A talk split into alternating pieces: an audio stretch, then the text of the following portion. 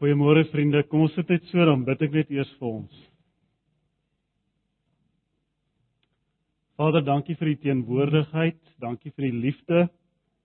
En dankie dat u bemoeienis maak met elkeen van ons op die pad wat ons loop, waar u ons geplaas het en waarmee ons besig is. En dankie dat u omgee. En dankie dat betrokke is. Wanneer ons vanoggend kom praat, kom bid ons dat die Heilige Gees ons sal lei en dat net woorde wat van die koninkryk afkom oorgedra sal word. Mag U naam verheerlik word. Ons vra dit in Christus naam. Amen. Baie dankie, dis 'n voorreg om vanmôre by julle te wees. Dalk net eers myself voorstel vir die wat my nie ken nie. Ek is Gerard Marx, ek bly in Equestria, ek is getroud met Elmarie, ons het twee kinders. Liesel Marie Marx, sy is die kleinste enetjie, so 7 jaar oud en Jan Marx, hy is so 12 jaar oud. Uh, ons het 'n passie vir die nasies en betrokke in heelwat nasies. Ek sê altyd vir mense my onbereikte bevolkingsgroep is besigheidsmense. Waar hulle ook al bevind en spesifiek dan binne in besigheidslui die entrepreneur, die een wat die besigheid begin. En ek het ook 'n passie vir die woord van die Here en daarom is ek ook daarbey betrokke. So die goed waarby ek betrokke is is in die eerste plek 'n bediening wat bekend staan as The War Partners International en The War is 'n Hebreëse woord wat sê die gesproke woord van God. En ons almal ken die Bybel in hierdie formaat, in 'n geskrewe formaat, maar hoeveel van ons ken die Bybel in hierdie formaat? In 'n audio formaat, omdat 4 miljard van die wêreldbevolking lees nie, hulle luister. So hierdie klein spelertjie word in Suid-Afrika gemaak en ons vat hom na die wêreld toe vir mense om te luister. Hy werk met sonkrag. Dis die een bediening waarby ek betrokke is. Ek is ook betrokke om mense voor te berei, sendelinge wat na geslote lande toe gaan om besigheid te gebruik as 'n platform vir kerkplanting om deur besigheid mense by die Here uit te bring. Ek is ook betrokke plaaslik om besigheidsouens te help om hulle roeping te verstaan waar God hulle geplaas het en om saam met hulle 'n pad te stap rondom dit. Dis hoe vinnige agtergrond van wie ons is. Ek is ook verantwoordelik vir die Suid-Afrikaanse Kingdom Business Forum, soos julle daar bo sien en dit is 'n hart vir uh, mense en om gedagtes te fokus op besigheid en hoe ons besigheid kan aanwend in sy koninkryk. So in eenvoudige Afrikaans of in Engels sê ek daaronder equipping believers transforming communities discipling nations. So week terug sit ek met 'n groep sakemanne wat in Sierra Leone 'n vergadering gaan bywoon het om 'n nuwe uh stock exchange te open in Sierra Leone en hulle moet nou met die verskillende programme sit, die IT kant, die struktureringskant, die geboue kant, al die goed moet in plek gesit word. En hulle daag die oggend daarop en die voorsitter van hulle sentrale bank open die dag daar en hy begin en hy sê: "Meneere, voordat ons vandag in hierdie belangrike saak ingaan, wil ek hê julle moet eers asseblief op julle knieë staan saam met my bid. Want dis ons vertrekpunt." Vriende, ek is deur Afrika die afgelope maand. Ek het reis baie in Afrika. Ek wil vir jou sê, as jy in Afrika is of jy dink jy's ergens in Europa, jy's eintlik in Afrika.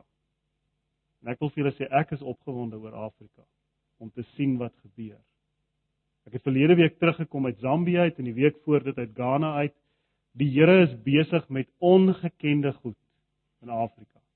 Ek het vriende wat in Europa bly en in Amerika bly wat vir my sê Hulle het nog nooit so beweging gesien van God soos wat op die oomblik in Afrika gebeur. Professor Jenkins, 'n Amerikaanse uh, professor, skryf in een van sy boeke navorsing wat hy gedoen het. Hy sê in die jaar 2050 gaan 3 uit elke 5 Christene wêreldwyd gaan 'n Afrikaan wees. Die vraag is hoe is ons hulle toe? Afrika is oop vir besigheid, die wêreld is oop vir besigheid. Die wêreld is besig om toe te gaan vir sending in sy ou formaat En ons moet regtig kyk watter kreatiewe maniere gee die Here vir ons. As jy ver oggend hierso sit, dan is die vraag wat ek vir jou wil vra is jy dink dalk nou jy's nie 'n besigheidsman nie, jy's nie 'n entrepreneur nie. So kan ek vir jou vra, is 'n boere besigheidshou? Hy's 'n besigheidshou. Hoeveel mense werk in besighede? Die meeste van julle werk in 'n besigheid. So kan jy sien hoe sleutel is 'n besigheid in die ekonomie, hoe sleutel is besigheid ook in God se koninkryk, ook in sy woord. Ek gaan julle vinnig deur 'n klomp goed vat en ek wil regtig vir julle vra ek sal so hier en daar stories ook vertel sodat julle kan verstaan waaroor dit gaan. Die fokus vanoggend vir my is op koninkryksbesigheid en dis 'n term wat maar nie baie oud is nie. Dis 'n term wat ons gebruik om bietjie 'n handvatsel te gee aan konsepte en begrippe sodat mense dit beter kan verstaan. As ek met die jonger mense werk, ek het 'n vriend wat in Beijing 'n besigheid besit en wat 'n passie en 'n hart het vir die nasies. En hy sê altyd vir my, "Gerard, hoekom sit jy die woord koninkryksbesigheid daarvoor? As jy gelowige is en jy's geroep, dan gaan jy mos besigheid doen vir die koninkryk. Jy doen dit mos vir geen ander rede nie." So dit is soos as jy hier geplaas is en jy's 'n dokter of jy's 'n ingenieur en jy's 'n kind van die Here, dan gaan jy dit mos doen vir die koninkryk. Vir wie anders te doen jy dit? En hulle sukkel om te verstaan dat ons konsepte moet gee, maar gewoonlik moet ons dit doen sodat ons mense kan help om te verstaan waar pas dit in sy woord ook in.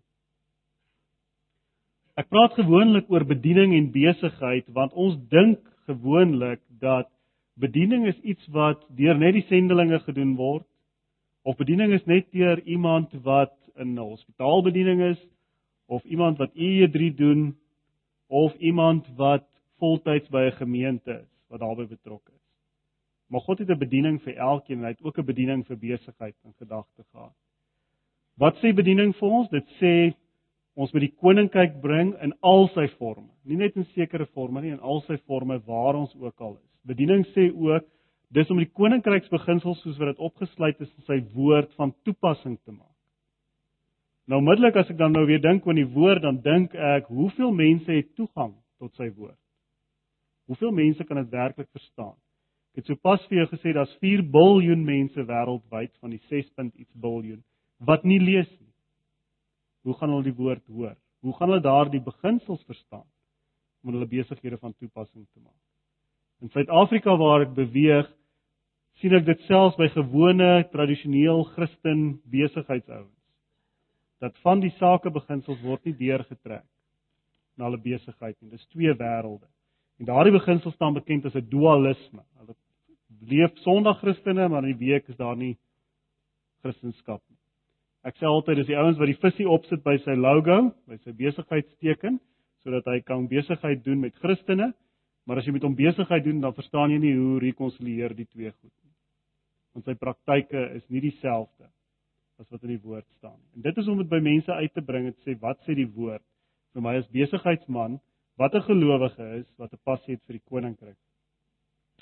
Dis om aktief die beginsels van sy koninkryk toe te pas in besigheid in 'n gestruktureerde vorm. Nie sommer net iets wat ons net oordink en dis 'n mooi plan en ons los dit daar nie. As jy met besigheid wil vorentoe beweeg, dan moet jy 'n plan hê. Jy moet weet hoe gaan jy jou kliënte bereik? Jy moet weet wat is jou mark? En dieselfde gebeur met 'n koninkryksplan. Jy moet dit verstaan. Jy moet weet wat is ek besig om te doen? Wat as ons nie vir ons mylpale stel nie, is dan niks waarvoor ons gaan mik nie. Ons moet mik vir ten minste goed wat die Here vir ons gegee het in die konteks van besigheid. Wat is besigheid? Die Webster Woordeboek sê it specifically designated the activities of those engaged in the purchase or sale of commodities or in related financial transactions. Nog 'n ene is wat sê it is the using his resources in the co-creation of free exchange of perceived economic value and benefit. Pieter Tsukahira wat in Israel woon het geskryf The business of the world is making money, the business of the kingdom is making disciples. Kan ons geld gebruik in die strukture van besigheid om disippels te maak? Ja. Ons kan enigiets gebruik waar ons ook al betrokke is. Ons kan vakansie gebruik. Om ons vakansie hou mense by die Here uit te bring. Maar vanoggend praat ons spesifiek oor besigheid. Kyle Jan Das het geskryf making money cannot be the goal of business. Making money is the definition of business. Besigheidsouens moet kan geld maak want dit is wat vir hulle belangrik is, hulle moet geld maak. Maar dis nie die uiteindelike doel nie. Daar's meer. En wanneer besigheidsouens baie geld gemaak het en jy praat met hulle dan sê hulle vir jou dit gaan nie daaroor nie. Dit gaan vir hulle oor wat is die significance, wat is die legacy wat hulle ook vir die koninkryk nalat. En hoe doen hulle dit? Hoe gestruktureer doen hulle dit? En dis ook nie 'n nuwe konsep nie. Besigheid as bediening of koninkryksbesigheid is nie 'n nuwe bediening konsep nie. Dis so oud soos wat God se woord en God se koninkryk self is. En deur die eeue het ons gesien hoe verskillende ouens besigheid gebruik het. Vandag werk ons baie keer met prosedures beginsels binne in besigheid en ons vra nie eers meer waar kom dit vandaan nie. Maar as ons die geskiedenis daarvan gaan navors, dan kom ons agter dit baie keer begin met een gelowige wat die woord gelees het. En wat gelees het, ons moet eerbare skale gebruik. En dit is waar ons matriekstelsel vandag vandaan kom en jy het dit nie geweet nie. Die matriekstelsel soos ek en jy hom vandag ken, het begin met een besigheidsman. 'n Gewone wat in ons terme algemene handelaar wat gesê die woord sê eerbare skale. Hoe gaan ons dit doen? Hoe gaan dan almal in Engeland in die tyd waarin leef dieselfde skaal hê? Wat presies dieselfde weeg elke keer wat die kliënt daar kom en geld uithaal vir aardappels, vir meel, vir wat ook al. En die metrieke standaard is ontwikkel gewees in daardie tyd deur gelowiges. En ek en jy gebruik vandag die metrieke standaard en hy word wêreldwyd gebruik. En nog nooit het jy gaan sit en dink en gevra waar kom dit vandaan nie. Kom van 'n gelowige af. Wat die woord van God gelees het en gesê het, "Hoe gaan ek hierdie beginsel van die koninkryk toepas in besigheid?" As jy verkoue het, dan gaan jy gewoonlik apteek toe en jy gaan kry pille. As jy siek is, dan gaan jy dokter toe en die dokter gee vir jou voorskrif en hy self met jou oor jou gesondheid. En baie min van ons weet waar kom die hele konsep van aptekerswese en die doktersbedryf soos ons vandag ken. As jy geskiedenis gaan bestudeer, gaan jy sien dit was iemand gewees wat nie tevrede was met die stelsel waar net die ryk mense toegang gehad het tot medikasie. Wat gesê dit is nodig dat elkeen toegang daartoe het. En dit is nie net genodig dat jy behandel word vir wat jy gaan of reeds in onderlede het nie, maar is ook belangrik dat jy gesond gehou kan word. Dis waar vitamiene vandaan kom. En daardie is alles mense met stories wat vir jou kan vertel. Waar kom dit vandaan? Wanneer ek moet praat oor koninkryksbesigheid, is dit belangrik om oor roeping te praat, want ons kan so maklik praat oor besigheid, ons kan afskakel en sê ek is nie in besigheid nie of ek werk in besigheid, maar dis die ou daarbo se probleem. Ek wil net my geld maak, ek wil net 'n werk hê en ek kan aanbeweeg. Maar waaroor gaan roeping? Ek kry met Suid-Afrikaners te doen, met mense in die wêreld te doen wat sê daar spesifieke roepings, daar spesiale roepings. En ek kry dit nie in die woord nie, ek kry in die woord net roeping. En soos ons vanoggend hier sit, is elkeen van ons geroep. Die vraag is, waarna toe is jy geroep? En wie het jou geroep? Elkeen is geroep. As ons gaan kyk wat het God gesê oor werk en baie ouens het hierdie konsep dat werk is vervloek. En ek kry dit ook nie in die woord nie. Die werk is gemaak voor die sondeval. God het dit nie vervloek nie. Gaan lees weer die teksgedeelte. Work is not the result of sin. Earth, not work, was cursed. Die grond was vervloek geweest. Deur te werk is jy besig om te aanbid. Het jy ooit na jou werk gekyk binne in besigheid waar jy ook al is as aanbidding? Dat dit vir God belangrik is hoe jy dit doen, vir wie jy dit doen.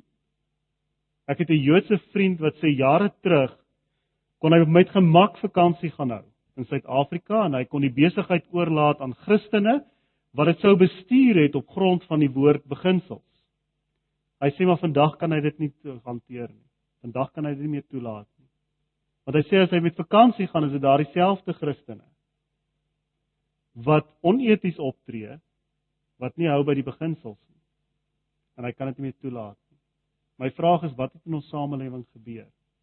Waar het ons die werksetiek verloor? Is dit omdat gelowiges nie verstaan dat werk is hulle roeping nie? Die vraag is waartoe is jy geroep? Ek kry mense wat ek te doen het. Iemand sit in die Pick n Pay, is besig om die til te slaan en ek sien sy is glad nie lus vir hierdie oefening nie. Sy is op 'n ander plek. En dan gewoonlik begin ek met haar te praat en ek vra vir haar: "Precious, hou jy van wat jy doen?" Nou. Dan begin ek vir haar te vra: "So Precious, what would you like to do?" En dan begin ek gesig oop te maak en sy sê: "I want to be a nurse." Ek sê: "What is stopping you from becoming a nurse?" Gewoonlik is dit finansies, want hulle kan nie die opleiding deurgaan En dit het een van my passies geword om mense te kry by hulle roepings. Dat mense kan verstaan dat jou werk moet jou roeping wees. Dit wees so lekker wees dat dit amper so 'n stokperdjie is wat jy doen. Jy moet uitsien daarna.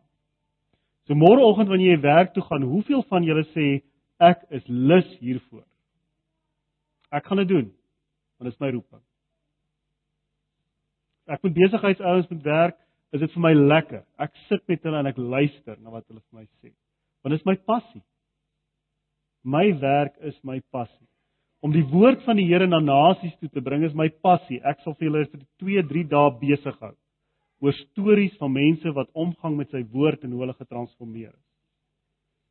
Ek dink nie daaroor as ek Nigerië toe moet gaan en ek dink ek gaan in 'n moeilike voertuig ry dat dit vir my swaar gaan wees nie, want ek is opgewonde as ek daai gesig sien van die man wat die eerste keer die speelertjie aansit en hy hoor die woord van die Here in sy taal. Dit gee vir my 'n kiek, soos die kinders sal sê. Gee jou werk vir jou kiek.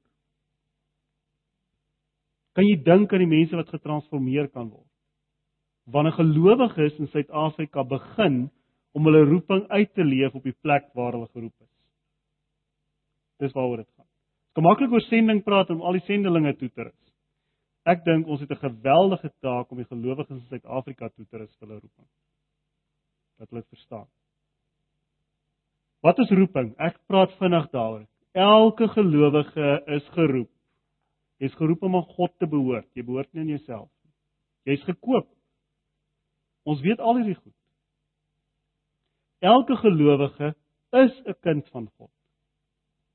Jy's 'n koningskind. Jy gaan met autoriteit in hierdie wêreld, maar nie jou autoriteit nie. Jy verteenwoordig die koninkryk. As ek baie keer kyk wat gebeur in die media, dan raak ek seer gemaak in 'n sekere sin vir die Here se se part. Want gelowiges praat te veel vanuit hulle self uit. En hulle besef nie hulle maak die naam van die Here en ons koninkryk skade nie. Jy verteenwoordig 'n koninkryk. Dis nie jou koninkryk nie. Jy's 'n ambassadeur. Ons geroep om Christus se werk te aanvaar. Hy het gesê, hier's die plan. Oorspronklik was dit daai 12 gewees. Hier's hulle. Dis hulle wat die werk gaan verder vat. Vandag is dit elkeen wat in 'n verhouding met God staan se verantwoordelikheid om die werk verder te vat.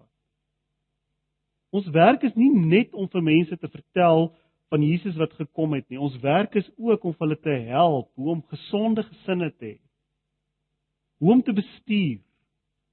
Of dit 'n hospitaal is en of dit 'n regering is, hoe om te bestuur volgens Bybelse beginsels. Ons verantwoordelikheid is ook om hulle te help wanneer hulle op die pad bestuur. Hoe om dit te doen soos 'n gesant van die koninkryk. Kan jy sien hoe ver gaan dit? Ons het 'n verantwoordelikheid as gelowiges om soos Christus te word. Sodat meer en meer mense kan sê, "Wys vir my jou God." Daaroor sê ek nie ons moet ophou praat nie. Ek sê ook ons moet begin leef. Soos die Engels sê, "We have to walk the talk." Waar ons ook al geplaas is. Ons is geroep as diensknegte. En ek sê vir Suid-Afrikaners, weet julle wat, nê? Nee, Ek sien dit oor en oor. Suid-Afrikaners wat betrokke is in Afrika het net een mandaat, het net een salwing, het net een mantel wat hulle dra en dis die mantel van diensbaarheid. Wanneer jy oor hierdie grens gaan van Suid-Afrika en jy wil vir Afrika gaan help, dan jy net 'n taak om hulle te help om op te staan hulle roeping, om hulle te dien sodat hulle hulle roeping opstaan. Suid-Afrikaners is diensknegte. Ons is nie daar omdat ons so slim is en alles weet nie. Ons is daar omdat ons begenadigd is. Die Here het geweldige seën op hierdie land uitgestort. Ons het taak om dit verder te vat, maar 'n diensbaarheid gestalte soos Christus. Ons moet weet en ken die hoop van ons roeping. Ons moet dit weet. Ek kry te doen met te veel Suid-Afrikaners wat hopeloos geword het en dan dink hulle die ander lande gaan vir hulle hoop bied en dan het hulle dieselfde uitdagings daarmee. Ek het nie 'n probleem daarmee as die Here vir jou gesê het van werk in daardie land nie. Ek het 'n probleem daarmee as jy hoop opgooi Want jy weet daardie hopeloosheid volg jy waar jy ook al gaan. Hy bly daar. Maar as ons ons hoop in Christus verstaan, gaan ons verstaan hoe werk dit in besigheid, hoe werk dit in sy koninkryk. En ons is burgers van 'n hemelse werklikheid. Ons leef in hierdie tydsgeleef en ons kan dit uitbring in hierdie tydsgeleef waarin ons leef. Waaroor gaan roeping? Ek sê altyd vir ouens, die Afrikaanse woord sê dit so mooi. Onthou julle as jy op skool was en het jy beroepsvoorligting gehad? Onthou julle daardie klas wat julle moes gedoen het? Wat sê daai woord? Beroep. Ons het altyd gedink by die gemeente is ons beroep die predikant. Jy geweet jy's beroep. Die Here roep jou. Hy roep jou in 'n konteks.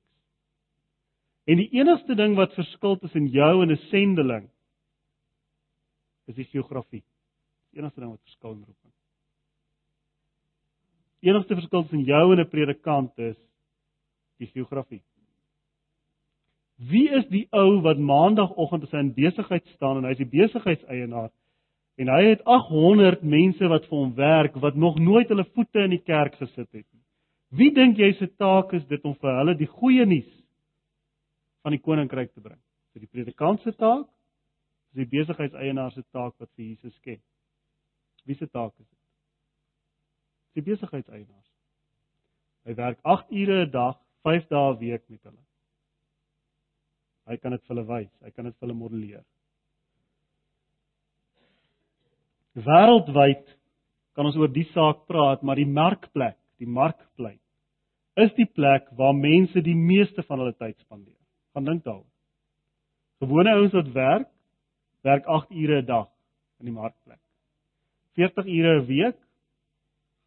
So kan jy hom gaan uitwerk. Waar dink jy is die aanknopingspunt?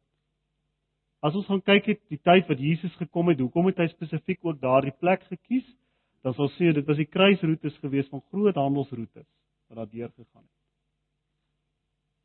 Die markplek is die plek waar 'n geleentheid bestaan om die evangelie op 'n eksponensiële manier uit te dra meeste ouens se verhoudinge, se kontakte is rondom hulle werksverband.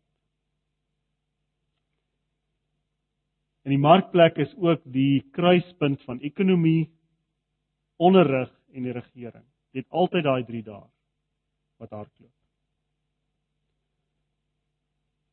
Om transformasie te bring in die markplek boonbehalwe die feit dat ons die volledige woord van God nodig het, want geen transformasie vind plaas sonder die volledige woord van God.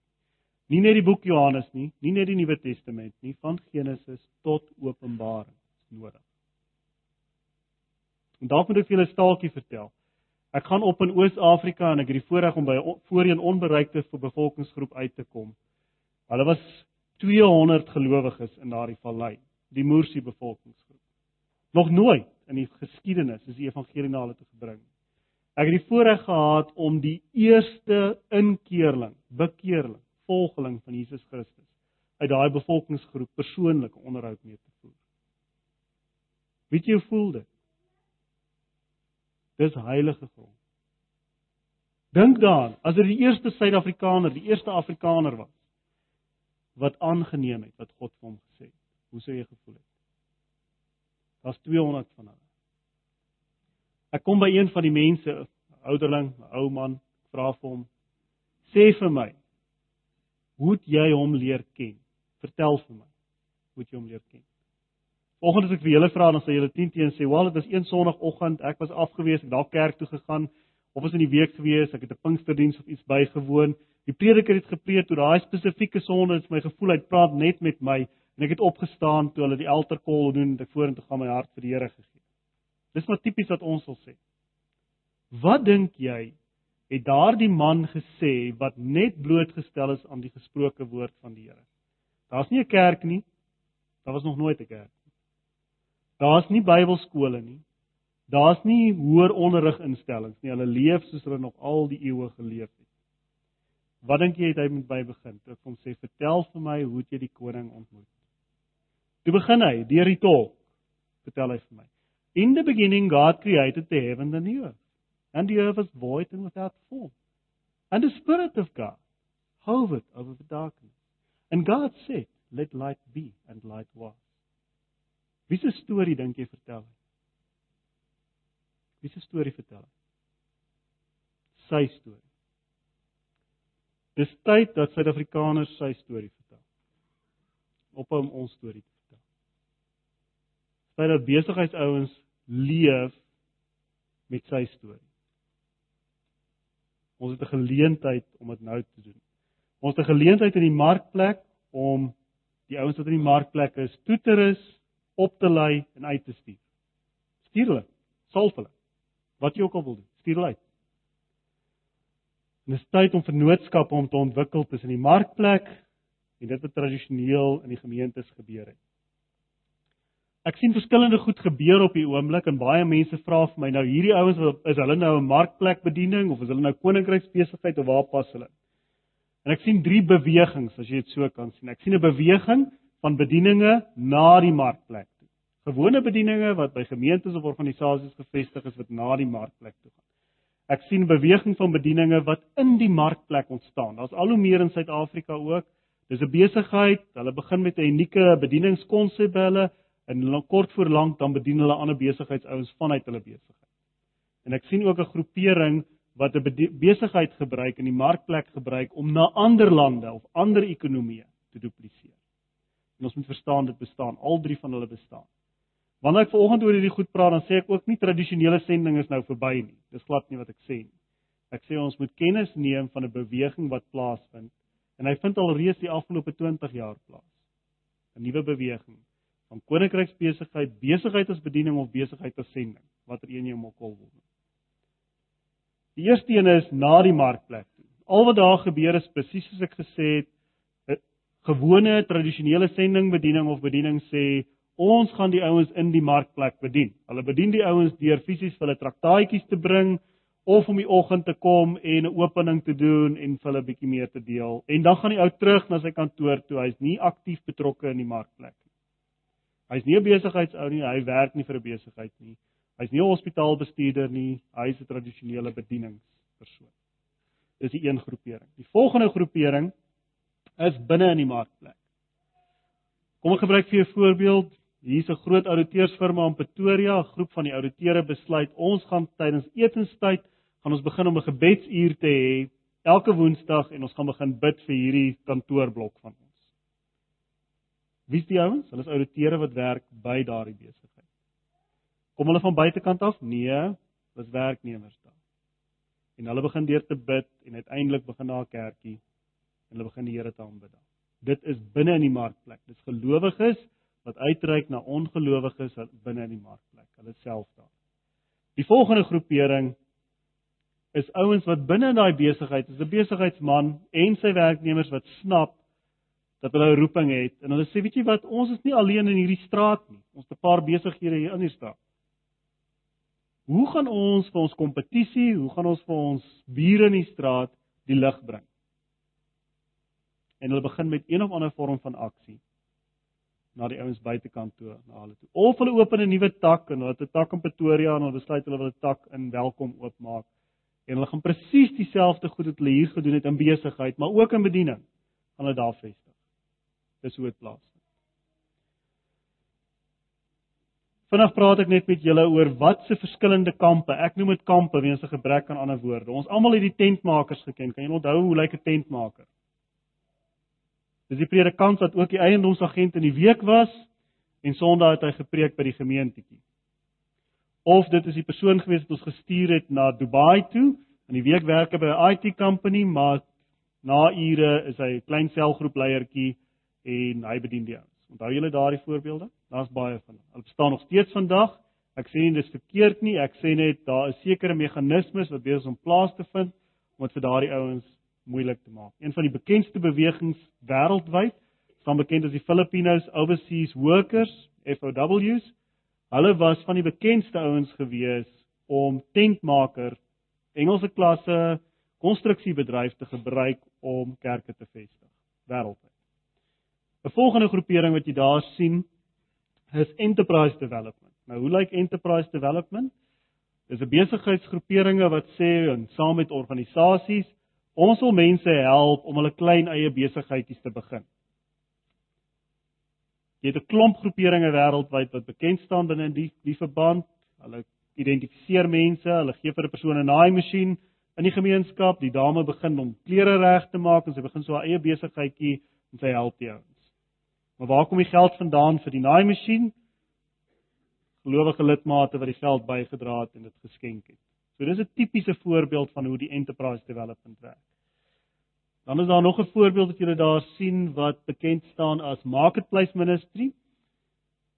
Marketplace ministry is die ouens wat gaan wat sê ons moet gelowiges wat in die markplekke is oplei dat hulle finansiële intelligensie verstaan, dat hulle hulle roeping verstaan. Dis organisasies wat tradisioneel gevestig is meer aan die gemeentekant en hulle reik uit na die markplek dis waar hulle geposisioneer is. En dan laastens kom ons by koninkryksbesigheid of besigheid as 'n bediening. Dis die groepering wat vanuit hulle besigheid dit doen. En dis die hele paar in Suid-Afrika wat bestaan. Wat hulle besigheidsprosesse en stelsels gebruik om uit te reik na geloof ander mense toe, mense in te bring vir die koninkryk en dis van hulle wat groot werk ondersteun deur hulle finansiële bydraes wat hulle direk kanaliseer deur hulle besigheid. Kom ons kyk net vinnig na hoe lyk daardie verskillende groep eh, tentmakers het gewoonlik gesê enige professionele werk het hulle gevat. Waar hulle ook al werk, ek het dit gesien in sending, die ouens wat in 'n land gaan, hulle het of crafts gaan doen of hulle het onderrig gaan opleiding gee in Engels of hulle het een of ander vorm van nuwensgewende organisasie gaan vestig wat gefokus het op humanitêre help. Jy het dit oor en oor gesien daardie tentmaker groepering. Enige werk maar hulle het plaaslike ouens se werk gevat. Dit het gewoonlik gebeur. Marketplace Ministries was spesifiek op die besighede gefokus. Jy sien dit vandag nog, jy kry sekere bedieninge wat net sekere goed kom aanbied binne in 'n besigheid. Hy kom open net, kom hanteer net die een keer 'n week se opening of hy bring net die traktaatjies of hy bring net die Bybels na die besigheid toe. Dis al wat hy doen. Dis hoe jy hom sien, maar hulle kyk ook om te help om werk te skep dan jy mission as business, die sending as besigheid. Ek het baie daarmee te doen gekry. Sendelinge wat na my toe kom en sê ek wil in Indië werk, ek het 'n 5 jaar visum nodig. Help my asseblief om my besigheidsvisum te kry. En die besigheidsvisum en dan sê nee, ek wil nie meer besigheid doen nie. Ek moet nou kerkplanting doen en hierdie mense by die Here uitbring en hulle bedien, vergeet my die besigheid. So dis wat ook gebeur. Hulle fokus dan totaal op bediening en vergeet van die besigheid. En dan het jy besigheid as sending waar jy die besigheidsmeganismes gebruik, kruiskultureel en jy reik uit deur die besigheid en die kerkplanting vind plaas in die besigheid. Dis hoe hy werk. En dis die ouens wat die werk skep. Markplek, ek sê altyd vir ons daar's verskillende fasette, daar's nie net een faset nie. Wat ek in Suid-Afrika gesien het is dat uh, ons lei dokters op en die eerste ding wat hy gaan doen is hy nie by 'n hospitaal werk nie, is hy gaan open 'n praktyk. Dan vra ek vir hom, "Het jy besigheidsopleiding gekry want ek het jare terug het ek vir die ontvanger gewerk, so ek het die ouens geaudit, so ek het geweet hoe lyk hulle boeke." En dan kom ek agter maar het nie geweet hoe om besigheid te doen. Want hy's opgelei as dokter wat korrek is, maar hy het geskuif in sy roeping. Hy doen ook dokter, maar sy primêre verantwoordelikheid sy besigheid. Want op die einde van die maand moet hy sy werknemers betaal, hy moet sy krediteure betaal. Hy moet sy debiteure invorder en hy moet seker maak dat sy kantore en goed nog in stand is en bedryf word. Nou wat is dit anders as 'n besigheid? En die roeping van besigheid het ander fokuspunte as die roeping van familie of die roeping van onderwys of die roeping van tegnologie. Dit lyk anders. Word anders ingekleer en ons moet dit verstaan. Want anders te gaan jy die verkeerde skroewedraaier vir die werk gebruik. Jy moet die regte skroewe draai. Jy moet dit verstaan. Jy moet verstaan hoe lyk hy algemene roeping en hoe lyk hy spesifiek? Hoe kleek hom in?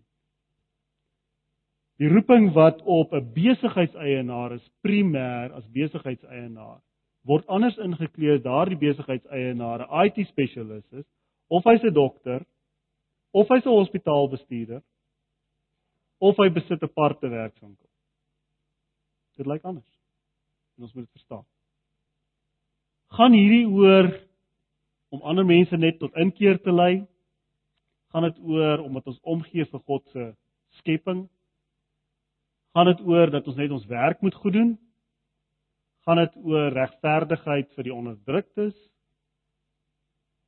Wanneer ons na daardie goed kyk en ek praat met mense, dan kom ek agter dat baie ouens wil letterlik net geloof bysit by die werk. Net so kompartementjie maak, net 'n faset. Dis hoekom ek hom so geteken het daar. Hulle vat net die sakkie saamwerk toe. Daar's 'n deel van die dag wat ons op geloofsgoed fokus. Die oggend as ons nou klaar gebid het en klaar gesing het en klaar Bybel gelees en dan gaan ons aan met die reël besigheid. Die ware besigheid.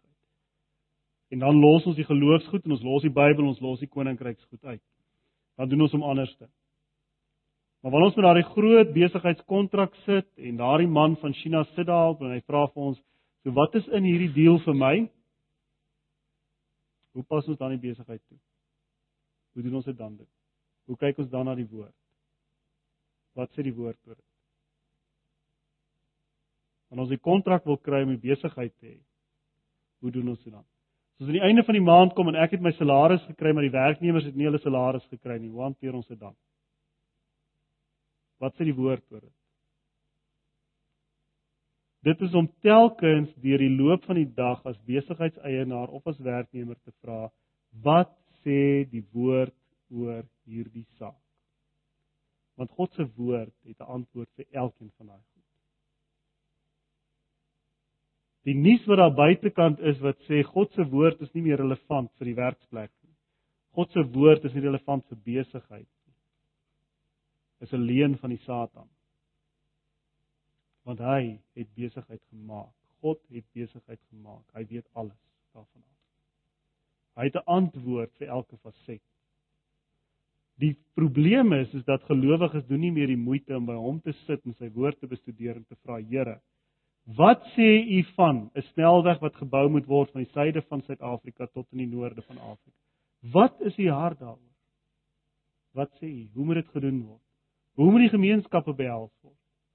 Hoe wie jy betrokke het. Hoe moet die winste aangewend word? Waarvoor moet dit gaan?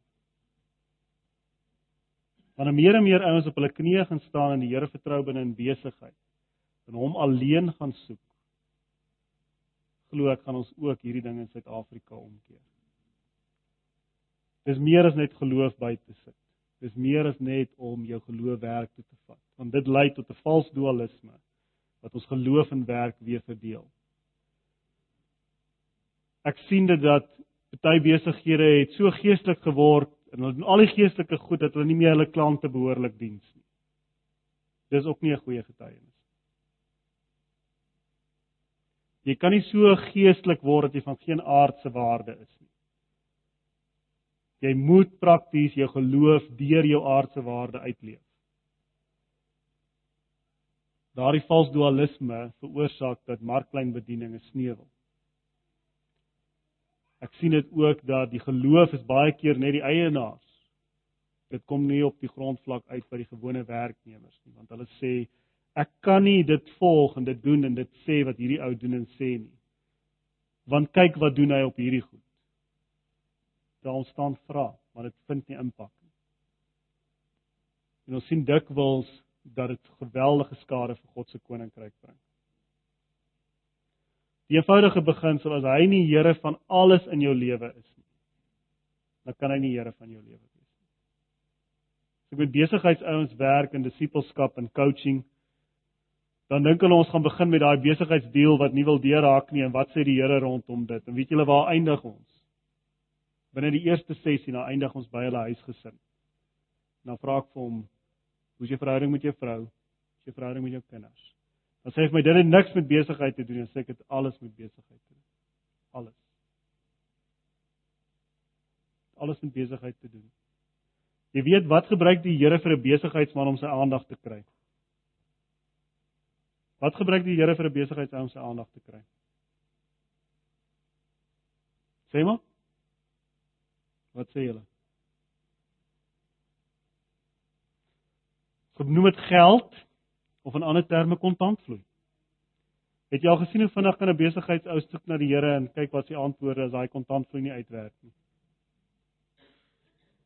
Dis gewoonlik wat hulle na my toe hardloop en sê Gerard, nou moet jy help. Ons moet nou die intercessors inkry en bid.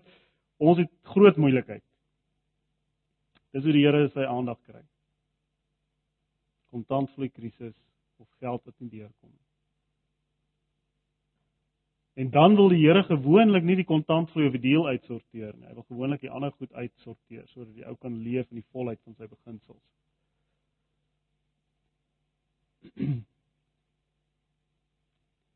Hoe gaan ons werk, gemeenskap, mense transformeer? As ons dit net gaan bysit. Dis nie soos melk wat jy in die koffie gooi en jy roer hom net in en nou is jou koffie reg nie.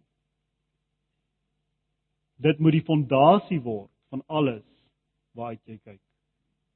So of jy nou 'n werknemer is in besigheid en of jy 'n besigheidseienaar is. As God se woord, God se koninkryk, God se beginsels nie die fondasie is nie. Dan moet jy regtig gaan stil staan en sê Here, hoe doen ons dit? En ek sê hierdie goed vir sendelinge ook wat gaan na die nasies toe. Dit bly se woord. Punt. Jy moet elke keer daai vraag gaan vra. Want jy moet daai moeilike kliënt sit wat nie betaal nie. Want jy moet die krediteur sit wat oor terme moet onderhandel. Want jy oor skuld moet sit. Want jy oor bemarking moet sit. Want jy oor die besigheidsplan moet sit of die koninkryksplan, dan moet jy vra Here, wat sê u woord vir ons vir hierdie omstandigheid? Hoe gaan ons dit doen? Jou werk is aanbidding het net dit vir jou gesê. Jare terug het ek met ouens uit Suid-Korea te doen gehad, besigheidsouens. Hulle is altyd mooi aangetrek, sulke wit hemde, swart dasse, swart baadjies en swart broeke en swart skoene. Jy sien hulle altyd so in besigheid. Toe ontdek ek dat daardie gelowiges in besigheid het twee stelle van daai klere. Swart das, wit hemp, swart baadjie, swart broek, swart skoene. En vir hulle het een of ander tyd in hulle blootstelling aan die evangelie het hulle geleer dat besigheid is vuil en dis wêrelds en dit kan niks met die koninkryk van God te doen hê. So hulle het letterlik twee stelle klere wat so in die kas hang. Hierdie klere is vir wanneer ons kerk toe gaan of by kerklike aktiwiteite betrokke is. En hierdie klere is wanneer ons na die werk toe gaan. Want die koninkryk van God het niks met die werk te doen. Kan jy sien hoe diep was daai dualisme gewees? Hulle dit fisies in hulle klere drag gereflekteer. Daar's eie tydse voorbeelde in Suid-Afrika wat dit ook so werk. Wat ons gelowiges het wat in besigheid is en die oomblik wat jy met hom begin praat oor sy besigheid dan sê hy maar dit het niks met God te doen of niks met die koninkryk te doen. En dit het alles. God wil ook daar van deel wees. Hoe lyk dit vir besigheidsouens? As ons vinnig 'n paar opsommings kan maak, hoe lyk besigheid of koninkryksbesigheid? Dis die geestelike, ekonomiese, sosiale en omgewingstransformasie van elke stam, taal en volk. Op alle vlakke. Ek praat gewoonlik met besigheidsouens en ek's opgelei ook as 'n besigheids in besigheidskonteks sê ek daar's 4 bottom lines. Nie net een nie, 4. Daar's 4 bottom lines wat op die einde van die dag moet groei toon. Anders is jou besigheid 'n moeilikheid. Al vier moet groei toon. Tony Black het gesê, "Reaching real people with real products and services in a way that really impacts their life." Shannon het geskryf, "To bring the good news of the kingdom to society through the realm of business." Hoe lyk die wêreld waarin ons leef? Kyk nou na ekonomiese markte in Amerika en ons kyk na al die goed wat wêreldwyd gebeur, wat dink jy is die gewone ou in die straat in Suid-Afrika se grootste behoefte? Ons sien hulle by die straathoeke, wat vra hulle vir ons? Werk. Wêreldwyd gemeet aan behoefteindeks is om 'n werk te hê die grootste behoefte. Hoekom dink jy laat die Here dit toe? Hoekom werk 90% van mense wat in besigheid is, werk vir besigheidseienaars? Dink jy daar's 'n geleentheid vir die koninkryk daarin? Ek het vir julle gesê dit gaan oor om die markplek en die kragte en magte wat in die markplek is te gebruik vir God se koninkryk sodat ons markplekke kan begin transformeer dat ons by mense kan uitkom. Ek het julle gesê daar's verskillende kampe wat gebeur. En almal van hulle gebruik op een of ander vlak op een of ander manier dieselfde beginsels. Wanneer ons praat oor daardie groeperinge, het ek net nou vir julle gesê daar is 'n klemverandering. Besigheid reflekteer die karakter van God van voorsienigheid. 'n Besigheid wat nie geld maak nie, gaan enige ou vir jou sê dis nie 'n besigheid. Besigheid moet geld maak. Hy moet welvaart skep. En dis sy rol en roeping. Besigheid moet God se voorsienigheid reflekteer. Want al die werknemers is afhanklik vir hulle voorsienigheid van die besigheid se voorsiening. En ek het al hoeveel keer vir besigheidsouens gesê, ek kan nie verstaan hoe kan jy 'n besigheid wees en jy's nie 'n gelowige kind van die Here nie. Want jy moet in geloof staan vir daardie kontrakte, vir daardie besigheid, vir daardie goed wat moet deurkom. Dit maak nie vir my sin, hoe kan jy ongelowig wees?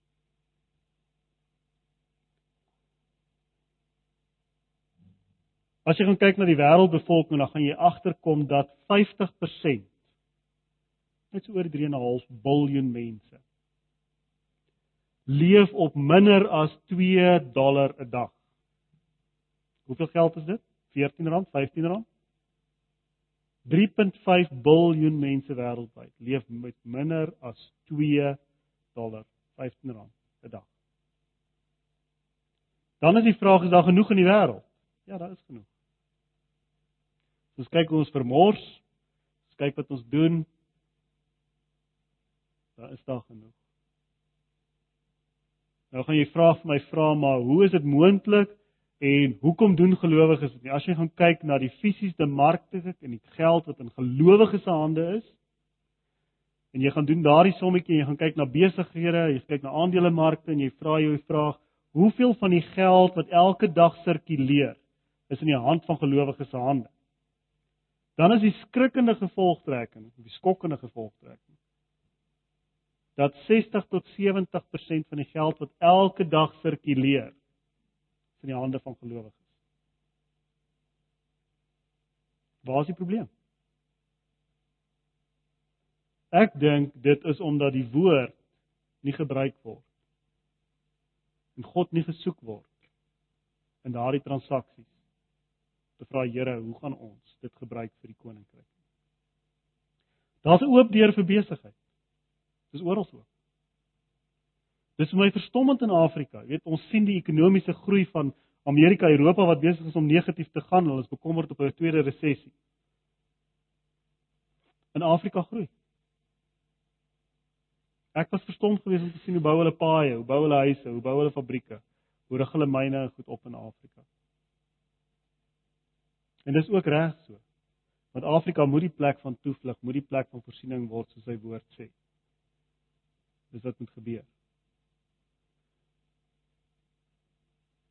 Dis nodig dat ons besigheidsouens in ons gemeentes erken en die roeping wat hulle het. Ek sê nie moet hulle op 'n pedestal sit nie.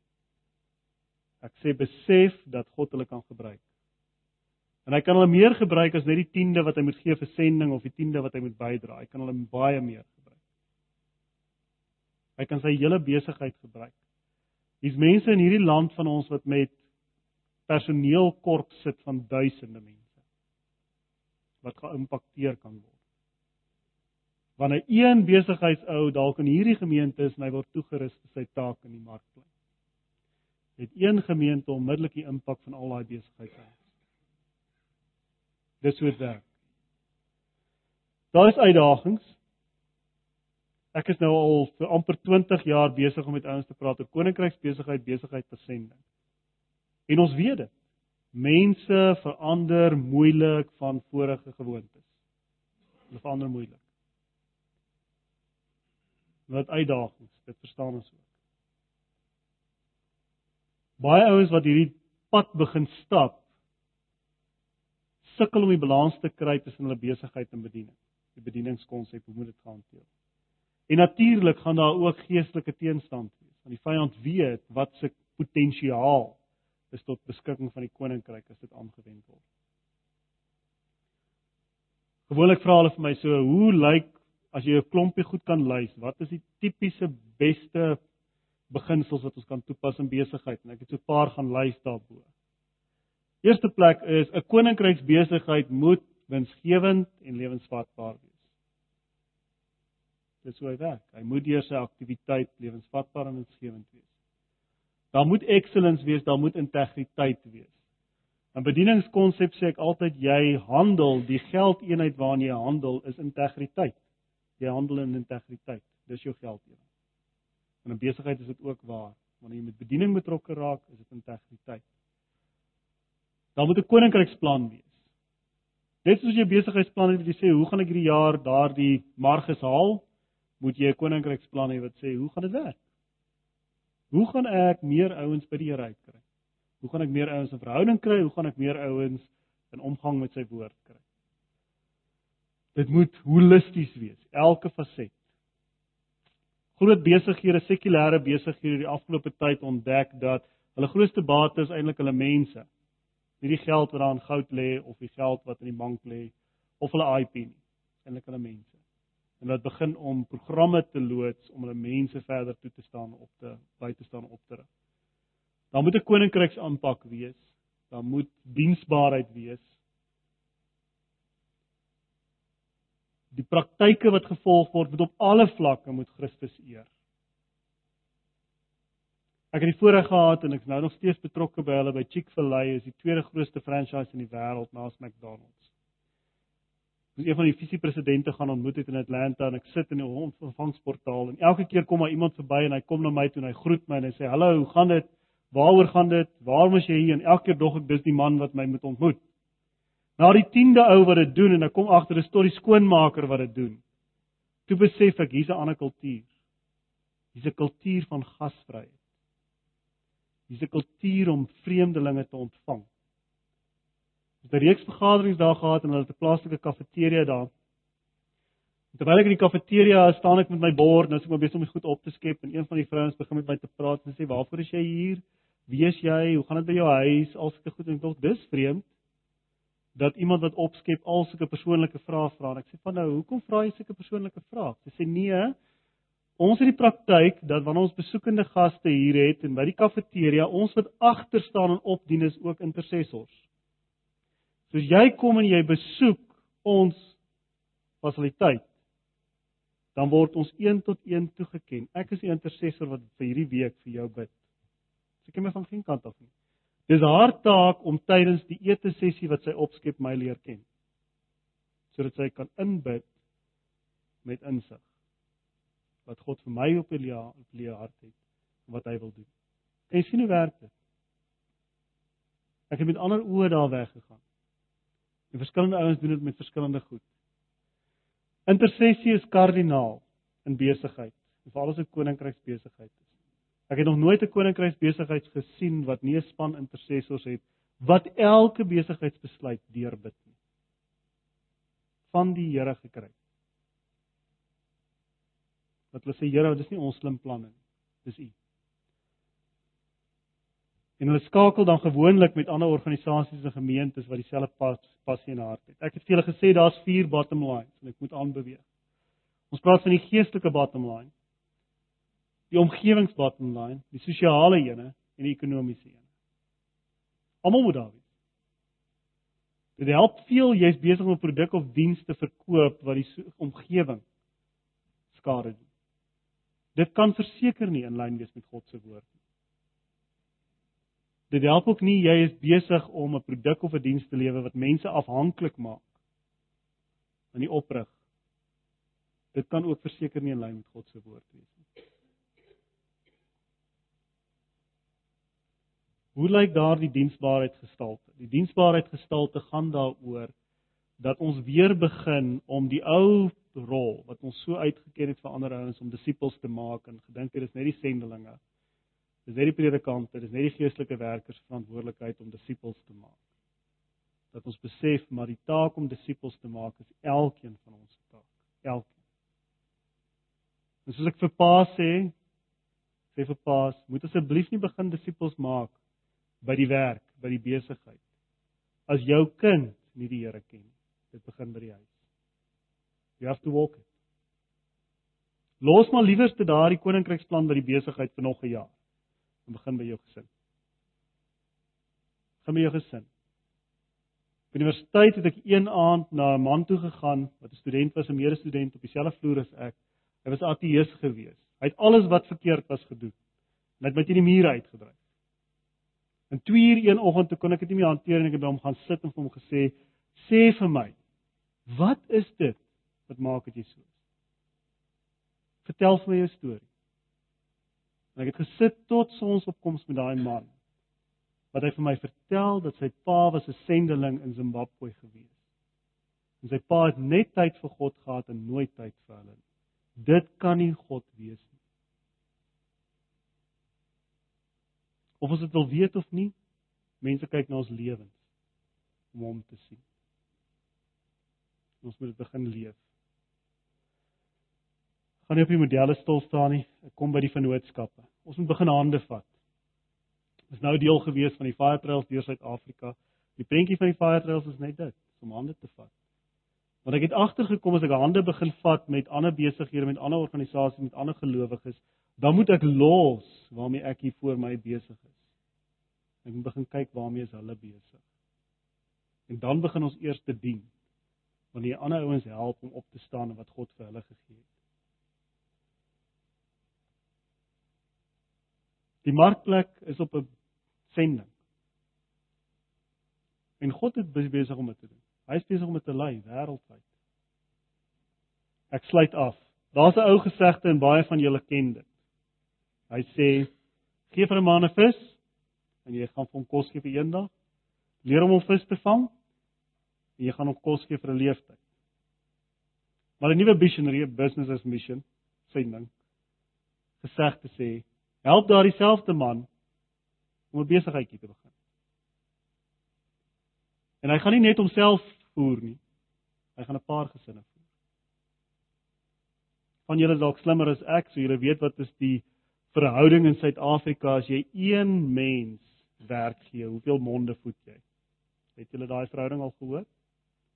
Vir elke ou wat jy vandag in Suid-Afrika in diens neem, wat jy 'n salaris gee en wat jy leer en lei, is jy besig om vir 9 monde kos te gee. 9 dink wat gaan dit doen as ons met ander insig gaan begin kyk daarna. Ek sê ook nie hierdeur elke ou is 'n entrepreneur en moet 'n besigheid begin en dis 'n gesig praatjie vir sy eie dag oor entrepreneurskap. Ek sê basies 'n paar goed. Ons moet die rol en plek van besigheid en besigheidsouens erken. Ons moet hulle toerus geestelik en hulle ook uitstuur. Ons moet hulle wat werk in besigheid laat verstaan dat hulle mandaat het om te werk met 'n passie vir die koning. En nie vir Absa nie. Nie vir watter groot maatskappy ook al. Jy werk nie vir hulle nie. Jy werk vir die koning.